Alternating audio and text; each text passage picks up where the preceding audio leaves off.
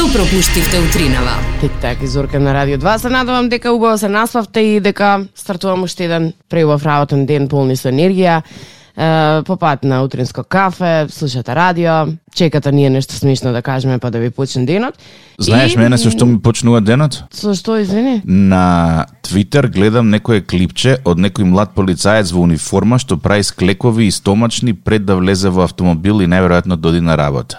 Браво, така се почнува денот. Е, ќе ти го пуштам, сериозно така се почнува денот. Ја знаеш значи, вчера со што го завршив денот? со што? Со една типка како застанува до друга кола додека врне, излегува со штрафцигер од незиниот прозор и ја решата колата. Зошто? Во Скопје? Е, не знам, не, не во Скопје, некаде во, во е, соседството, според она што гледам автосервис некаде пишува. Е, најинтересното е дека како бе така луѓето рандом со нив си носат разноразни предмети. Нема, нема об штрафцигер. Како мене не ми текнало да се штрафцигер да пикнам во ташна и така да се шетам. Кај мене можеш да најдеш гаки од децава, вишак чорапи, мајца уште една за пресоблекување, нели сега да не се испотат. Такви работи кај мене можеш да најдеш случајно така да најдеш. Евентуално некои хигиенски производи или не знам, во кола носам уште еден ранец со облека исто за децава, исто по два пара гакички, маечки, едно друго. Мислам паталец ме, разбираш, сум била неколку пати некаде, се испопутиле, се направиле жива вода, сум ги враќала по пешкири дома. А, меѓутоа не ми текнало да носам на пример штрафцигер. А има луѓе си носат Па разноразни си носат, да. Јас си носам шрафцигера од оној за, за наочари. Добро, ма ти си имаш мака со научарите, нормално Да. е дека ќе си носиш штрафцигер за научари. А ме јас немам штрафцигер, е, односно научари и немам штрафцигер. Меѓутоа девојкава немаше штрафцигер за научари, да се разбереме. Хм. Немаше Значи, штрафцигер баш така она. Фазомер тоа, што не знам што е. Мислам што би барала девојче вака да си да си излезе да се, да се развози со штрафцигер. Што е една работа што ја имаш во автомобилот или ја имаш во себе кога излекуваш, а би можела да изненади некој друг? Мислиш да се употреби како оружје? Не, не да се употреби, него би можело да ме остави без зборови ако знам дека ја носиш, да речеме. Свесен си дека можда не би требало да ја носиш, ама ја носиш. Еве во автомобилот, на пример, има ли некој таков предмет кој што си свесен дека апсолутно ќе ми изненади ако носиш? Што останал таму по грешка или што сакаш да, си го имаш за секој да, случај? Да. Што? Е, рекети за тенис. Ама оној тенисот со дрвени рекети што се игра на плажа. Значи не дај Боже ако ми притреба тенис да те барам. И тие се веќе инвентар Дрвен. во автомобилот три години. Вау. И ги Кај гледам. бил ти секаде доаѓале со тебе. Да, и ги гледам и викам да ги извадам, не, ајде уште малце, ајде уште малце, ајде уште малце. И си Мене стојат ми се така оставени, ама тоа не е нешто што ќе се изненадиш. Е, освен ранецот, оние рогови за за возило за зимно време. Ама тоа не е нешто што би можело да се изненадиш, сега да ми речеш пример дај ми фазомер и ја да го извадам од од кола. Не, ова се рогови кои што реално таму треба да стојат. Оние да новогодишните рогови? Да, многу ми се филм. Внук ми ми рече дека биле крајно селјачки, ама мене многу ми, ми внесуваат некој новогодишен дух кога ќе ги ставам. Некаде кај февруари, ајде кај февруари, кај декември, ќе почнат, односно ќе бидат ставени во употреба и некаде таму крајот на јануари, февруари ќе бидат извадени од употреба. Е, е еден бонус трик кој што ја не го знаев, а би требало вие да го знаете, кога се возите со рокчиња, не ги отварате тие прозори кои што ви се закачени. И не ме како Ке ви излетаат роговите. Ми излетаа на Свет булевар, па морав да застанувам и да ги бркам, да.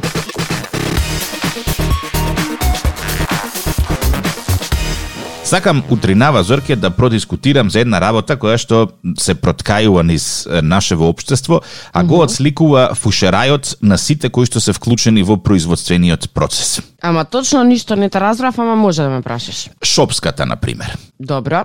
А, ти си млада, може би и не ја паметиш онаква каква што треба да биде, меѓутоа оригиналниот рецепт и изглед на шопската беше тенко сецкани домати, краставици и пиперки, полиени Пиперки? со да, пиперки. Полиени, односно прелиени или напрскани со рендан овчи кашкавал. Ау, Таква шопска примамливо. последен пат памтам јадев пред, па што знам, добри Чекај, 20 извини, години. не е тоа сега македонската? Не, не, македонската е со печена пиперка. А овие се обични пиперки во Овие се обични свежи а пиперки. Има? Не, во е, искрено мислам дека во оригиналниот рецепт за шопска салата нема кромит. Тоа го измислија кафанџиите после за да си го замаскираат лошиот вкус на месото и рекоа ајде сега ќе туриме и кромит во во салатата за да не видите колку е лошо месото што се јаде. Ама Да, Зорке ме знаеш како она овчото сирење се претвара во кравија. и во во голем дел од шопските не е не е ни кравио, ми се чини дека е некој растително или што годи дае, па со е, малку додаток на нешто солено за да заличи на сирење. Види, кој ќе ти донесеа шопска порано, памтам во оние мали неокруглине танирчиња, значи педантно и сецкано, на мали коцкички. Милина да ја гледаш и да ја јадеш. Сега, кога ќе ми ги донесат шопски, но е за свињи сечени. А тоа пат лиџенот од шопската салата можеш да си го ставиш во танирче и уште на четири да си го исечеш за да го донесеш до некоја јестива големина ми се чини. По пола патлежен. А па буквално по пола патлиџа, на кога ќе видам шопска во македонска кафана ме потсеќа на манџата од зелка во Црна Гора што ја служеа.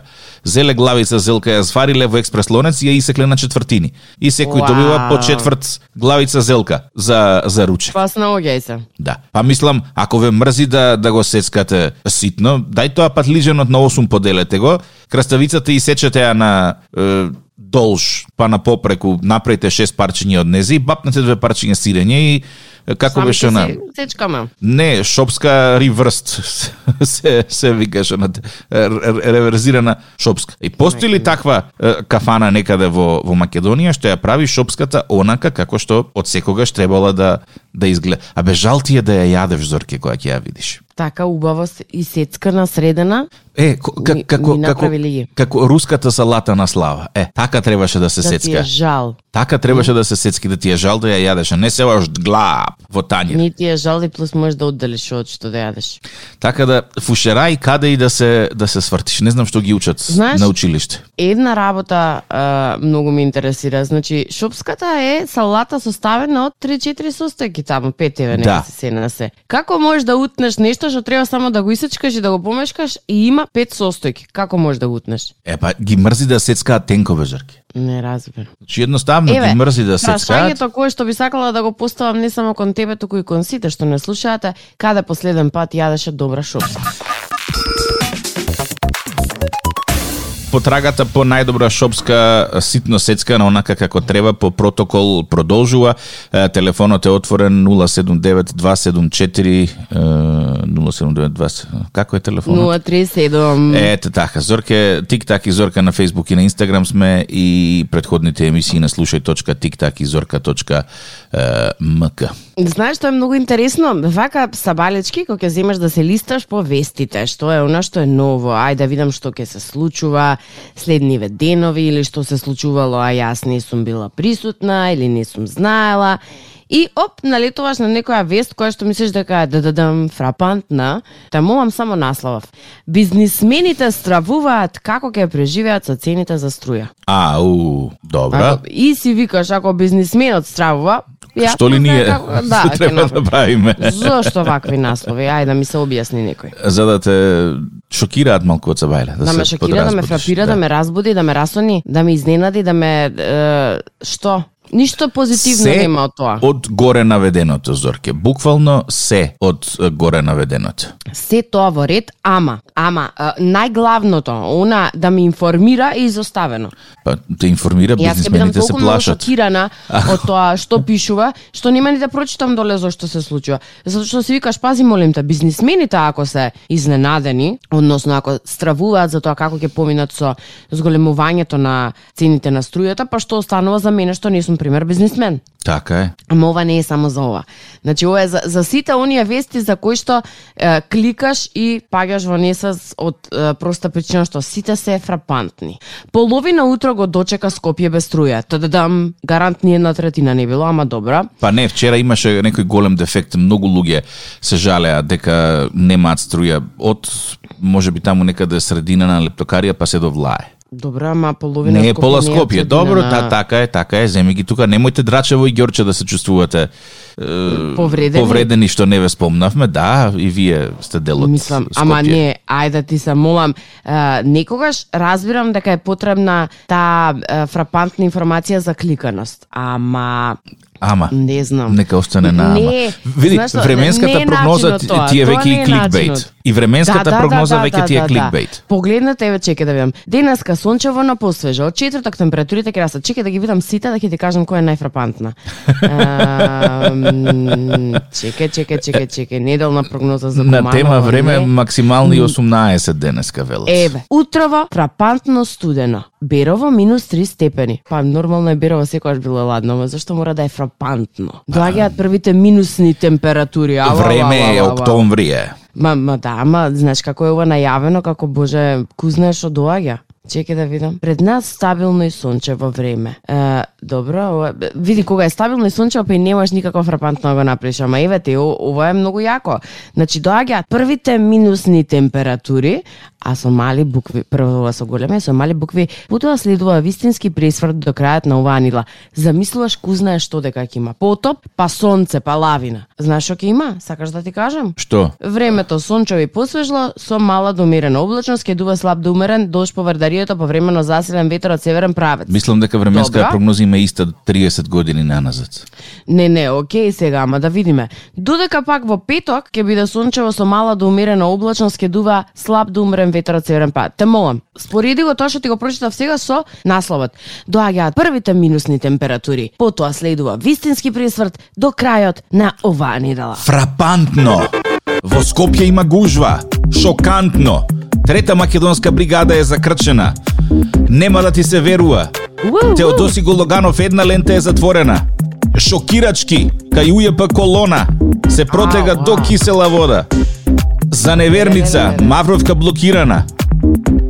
Просто нечуено, булевар Гоце Делчев закрчен. Тешко иде, нели? Тешко Ама ми оди добро ти право да идеше. кажам. Гужва има возе внимателно. Добро утро. Sova se Tik Tak i Zorka. Radio До сега добив три дестинации каде што може да се јаде добра шопска, а тоа е Гевгелија, Маврово и Крушево. По еден ресторан во сите тие три градови, а во Скопје како ресторан со, како град со најмногу ресторани, до сега не добив нити едно. Каде во Крушево нити баш ме интересира? Ау, ќе мора да проверам уште еднаш ја. Избега пораката. раката, да. Добро. Меѓутоа, она што е многу, а и во Велес имало, извини, она што е многу интересна, е интересно е дека во Скопје не можеме да најдеме никако добра шопска салата на толку многу ресторани. Иако постојат ресторани во Скопје кои што се навистина за пофалба во однос на тоа каква храна нудат и е, што се како мени нудат. Она што е многу интересно во моментов надвор имаме 9 степени, не знам дали сте забележале, доста е свежичко и има народски кажано ху, знаеш. Има ху, ху Да. кога ќе направиш ху, искача бело од уста. Да, излегува Ху. бел воздух, односно затоплен воздух од вашата усна шуплина, е, кој што изгледа како чат, да речам, од цигара или било што. И тоа е еден знак показател дека надвор е навистина многу студено, што значи дека ќе треба подобро да се облечете или фрапантно кажано како беше од порталот ту шокантно се намалуваат не, Температурите. првата минусна температура, нешто така беше насловот, не, не можам да го запамтам, ама како и да е фрапантна еве виновост, дека надвор има ху во моментот во Скопје. Е, За подсетување наскоро стапува на сила и она обврска за носење зимски гуми. Да, ако Со сакаш студот- да изгу... тоа сакам да кажем, ако сакате да ја избегнете е, гужвата која што ќе се создаде многу наскоро, можеби вистинско време да ги промените гумите е сега, денес. Да, Се со цел, така, нели? така студи. Па па и студија, ама и друга работа е што кај да е кога ќе стапи на сила законската обврска ќе морате тоа да го направите, затоа што не е безбедно и за вас и за сите останати во сообраќајот.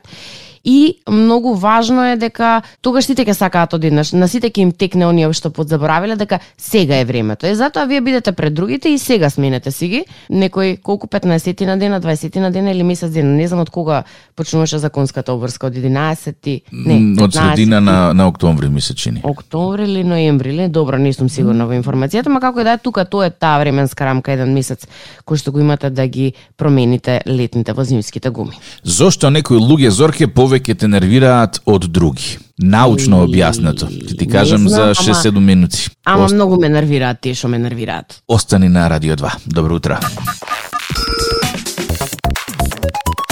ти реков пред малку ќе ти откријам зошто некои луѓе повеќе те нервираат од други. Мистерија која што Слушам. сигурен сум дека со нетрпение чекаш да ти ја откријам. Па да, е, види, генерално нели велиш, народски кажано, леле ми шири многу негативна енергија, под број 1. Под број 2, леле колку различни ставови имаме, колку е напорен или напорна таа. Добра. И по 3, ми го мешкара носот кај што не е место. И сега, дали знаеш што е заедничко за сите овие луѓе? Не знам. Ти. Мене што ме нервираат. Не, не, заедничко за овие луѓе што тебе те нервираат си ти. Па значи тоа- ти тоа си викам. ти си заедничкиот содржател. И Добро. апропо тоа, психолозите откриле дека причината зашто некои луѓе те нервираат, всушност си ти. Да не си ти, тие луѓе нема да те нервираат. Колку научно, општо и проширно објаснето. Просто, ако те нема тебе, нема да те нервираат.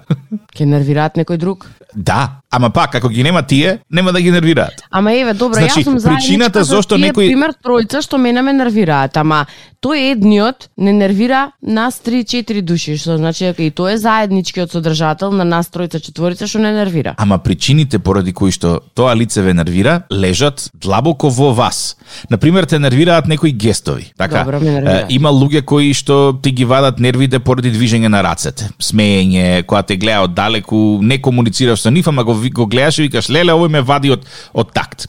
Гледа, не можам ова да гледам, да. Е, психолозите истакнуваат дека има многу причини за оваа состојба, но една е, која што нема да ти се допадне, а Добро. тоа е всушност гледате што ве нервира кај себе. Ја тоа викам, види се види што те нервира кај мајка ти и татко ти, истото и ти го правиш. Знаеш, Генерално се трудиш да не го правиш. Не е точно како старееш се повеќе и повеќе го правиш. На моменти дури ми се чини и намерно. Не е точно. Не е точно. Кажа девојчето од 33 години спрема старецот 55. Животна школа е тоа, Зорке. Ќе ми бидеш благодарна еден ден што ти кажав, а? Е, Значи, Добро. склони сме да ги проектираме нашите недостатоци и негативни емоции и внатрешни конфликти на други луѓе, а тоа не нервира и не иритира. И затоа нашите внатрешни конфликти, онаа борба сама со себе, се претвара во фрустрации и затоа всушност гледаме што не нервира кај другите луѓе. Тоа истото не нервира и, и кај нас. Можеш да препознаеш некоја своја карактеристика што не ти се допаѓа, не сакаш да ја признаеш, Дури можда и се срамиш од таа карактеристика и викаш леле овој ме нервира. Не го прифаќаш, туку одма се обидуваш да го свртиш на нешто негативно. Тоа не е секогаш случај кај луѓе, например, кои што работат на себе. Ретки луѓе. Например, Па, например, ако работиш, ако го препознаеш тоа како случај добра, и работиш на себе, преку психотерапија, преку надградување на личноста, читаш многу книги и така натаму и го забележуваш тоа твое однесување кое што те нервира и се трудиш во текот на животот да го отстраниш, затоа што си така задоен, да речам, како во една матрица од твоите двајца родители е, или поблиското семејство со кое што си израснал и со текот на животот, значи ти се учиш да го тргнеш тоа. Ако си свесен за недостатокот, ако не си свесен, само ќе те нервира и тоа е тоа. а, види сега и психолозиве до негде се согласуваат со тоа што ти го кажа, вели, реакциите на личност со која нешто не нервира, всушност не се злонамерни, туку представуваат внатрешен механизам. На тој начин одбрана, човекот да. се заштитува од самосвест за собствените мани, не е свесен да реализира такви карактеристики во себе. Меѓутоа, потиснувањето на емоциите или нивно негирање е само привремено решение кое всушност може дополнително да ја искомплицира ситуацијата. Несвесно се заштитуваме од самите себе, бидејќи можеби не сме подготвени за таква конфронтација, ама еднаш кога ќе признаеш, веќе се е на подобро. Да, ме еднаш кога ќе признаеш веќе време и да си признаеш дополнително дека е време да го разреши, разрешиш тој проблем кој што те нервира кај другите, а го имаш ти сам во себе. Што до некаде е супер заради тоа што стануваш само свесен за проблемот што го имаш и стануваш само свесен дека можеби со твоето однесување ги нервираш и другите. Така е, Зорке. Следниот пат кога ќе кажеш јас сум ти изнервирал, погледни се себе си и кажи каде е проблемот. Ау, како си ја сврди водата на твојата воденица. Сова се Тик-так и Зорка. Најави бескорисни факти, ама пред тоа јас би сакала да ти поставам едно прашање, една е, народски кажана утринска мозгалица. Ајде, дали може, цел дали си спремен? Да. Не само ти, значи повикани се сите оние кои што мислат дека го знаат одговорот да ни се јават, да ти помогнат, а ако евентуално ти не успеш да се снајдеш. Може? Спремен. Дедото му ветил на внукот дека ќе му купи ролери ако го знае одговорот на прашањето каде човек влегува во една дупка, но секогаш излегува од две дупки и кога мисли дека излегол, тој всушност влегол во дупката. Внукот цела ноќ размислувал, а се сетил дури утрото кога станал од креветот. Кој е одговорот на прашањето на дедото? Влегува во две дупки и излегува од една дупка. Каде човек влегува во една дупка, но секогаш излегува од две дупки. И кога мисли дека излегол, тој всушност влегол во дупката. Лифт. Не, како лифт има една дупка, а излегуваш во две. Па они има врати од една страна се отвора за влез, па после од друга страна за излез. Не си ни близко да одговорат. Ха, 079-274-037 чекам, ајде уште еднаш да го чујам. Значи, е, каде човек влегува во една дупка, но секогаш излегува од две дупки и кога мисли дека излегол, тој всушност влегол во дупката. Може да биде и со три дупки, зависно. Повикај пријател. Добро утро. Стише радиото, само те молам, слушаме на телефон, не на радио. Запри, запригане. И Дане се вози, се све научивме. Гане, гане. А, Гане. Да. Ајде, повели. Дане, дане случајно и се панталони. Ма не само случајно, туку на вистина се панталони. Ау! Значи, човек влегува во една дупка. Кога ќе облекуваш, нели? Кај, Да. кај една дупка е. Па излегуваш низ две, ама всушност кога мислиш дека си излегол, ти си влегол. Токму во панталоните. Да, е зошто утрината се сетил е, внукот на одговорот, затоа што утрината облекол панталони. Токму така. Ете Негде така, се- а може да биде и со три дупки, нели, ако е блуза, на пример. Да, да, да. Фала ти многу, ме Поздрав. спаси. Поздрав. Поздрав и до далеководна екипа, пошто цело време ве слушам. Поздрав до далеководна екипа. Далеку да не водите. За Гевгелија. Договорено. Може. Поздрав. Да се Секој е добро. Чао, чао. Види, добро. Прифаќам. Да. Не го знаев одговорот. Ме победи. Лифт рече, а? Лифт, да. А, да. Ништо од лифтот. Следни се бескорисни факти. Остани на Радио 2.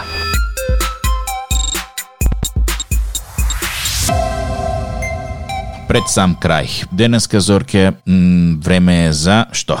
Безкорисни факти. Да. Дали знаеш дека кога ќе леташ со авион, Добро? губиш околу 8% од водата Како во е своето можно? тело. Е па така, плима осека горе доле, лево десно и упс, слабееш. Затоа, ако сакаш да се чувствуваш добро во врска со својата телесна тежина, откако ќе се качиш и возиш некаде во авион, качи се Така. дома на вагата И измери се. измери се, да, Тоа е супер. А, Сериозно, тоа е супер. Ова е еден стар исконски лек, кој што нашите Добре. предци го користеле. Кората од врба може да Така. се користи како алтернатива за аспирин. Гледаш колку биле мудри старите? Биле. Си знаеле се, се си знаеле, затоа што немало како се ај оди во аптека купи си аспирин, нема. Јас да гледаш Ова, баба на онде делка, делка, делка, делка, делка од дрвото. Бабо, што да преш? женана. Ме боли глава. Стари, Што да, има врска ова? Има врска, гледаш како знаеле. Баш ми се допаѓаше ми го кажа. Добро? А, во една студија е откриено дека зборот љубов е најчестиот збор што се користи во 8 од 10 музички жанрови. Кои из кои жанрови биле исклучоци? Дали знаеш? М, рок? Не. Па блиску си, Heavy metal. хеви метал е едниот, да, Добро. А другиот? Хм, чекај, чекај, размислувам. Не знам, се откажувам. рап. Сериозно во рап? Сериозно. Зборот љубов најмалку се користи во рап и во хеви метал. Во heavy metal ај можам да разберам, ама во рап зошто? Па нема Демек љубов. Рапериве не се, е, како не, демек не се заљубуваат, па нема да седне некој да одвои сат, два, три, пет, два дена. Мислам, земи да го напише анализираш текстот на Еминем на Ким сопругата што го посвети и ќе ти стане јасно зошто во рапот. Ама добро, тоа е исклучок, тоа е една песна, ама треба некој да ти е сериозно битен да седнеш да напишеш текст за некој тој. А што друго би ти било битно, освен ако не го сакаш, да речеме. Или ако не го мразиш, од друга страна. Е, ајде де. Следново, треба да го за, запомнат со љубовта, добро? сите девојки кои што планираат да се мажат во во иднина. Ајде. Научно е докажано дека доколку прстенот на кој што го носиш е, прстенот е Добро. малку подолг од средниот прст, веројатноста е дека тој маж е, ќе има многу привлечно лице. Како ако е, прстот кај што се носат прстени му е малку подолг од средниот? Да, Веројатноста е дека има многу дека привлечно ќе лице. има многу привлечно лице на стари години, која ќе остари. Аха, аха. И одма сега си ги погледнав прстите и кај мене тоа не е случај. Зорке, да си провериш, да си проверите сите по дома. Ајде, мажи на инспекција на прстите. Ако ако жена ви денеска ве праша, дај прстите да видам да знаеш дека не Да слушала зашо, нас. Да, да. Не, ама замисли, онака си видиш, дечко, прстите ако сакаш. Зошто прстите? Така, дај малку прстите. Многу интересно, видиш, интересно работа. А јас па за прстите знам нешто друго. Ако на жената, на ногата, а, вториот прст е повисок од палецот, оној нели до палецот е повисок од палецот, се смета во наредни верувања дека ќе команда по дома. Ау, ова контрааргумент одма ако ако жената побара да ви ги види прстите на раце, видиме дека се облака чорапите да видам стапалата. Да, тоа мислам мене реално многу несимпатично ми изгледа ако епте не подолг вториот прст од првиот. А, има некои жени со со такви прсти, меѓутоа ако минимално е така барем повисок, значи дека жената е глава на домот или главна во домот, така викаат. И е, следново е шокантно. Добра? Бидејќи знам дека љубиш да читаш. Добра? Ке ти бидат потребни 76 работни дена, под услов да работиш 8 часа на ден, за да ја прочиташ целата онлайн политика за приватност со која се согласуваш во просек во една година, кога кликаш на оние апликациите. Прашање број 2. Дали некој воопшто некогаш ја прочитал политиката за приватност кај што кликнал се согласувам? Па не знам. Ја мислам дека никоја нема седнато да прочита и да види чекај сега ќе прочитам. Пази, во текот на денот се појава минимум 3-4 пати на различни сајтови. Да, И на сите махинално кликаш се согласувам. А знаеме ли Да. се што се согласуваме? немаш представа, верувај ми. Имаш ли пред себе некои е, правила политика? Ту многу е долга темата за на крај на, на емисијата, ама како не ни текна порано да земеме да издискутираме, да изгугламе, да видиме што тоа се содржи во една во, во една изјава каде што кликаш се согласувам. А се согласуваш минимум 3-4 пати во текот на денот. На Тоа. што тоа ние се согласуваме? Е, ајде. Ќе остане мистерија за некоја друга емисија. На Радио 2, секој работен ден од 7.30. Будење со Тик-так и Зорка. Во случај на неконтролирано смеење и симптоми на позитивно расположение, консултирайте се со вашиот лекар или фармацевт.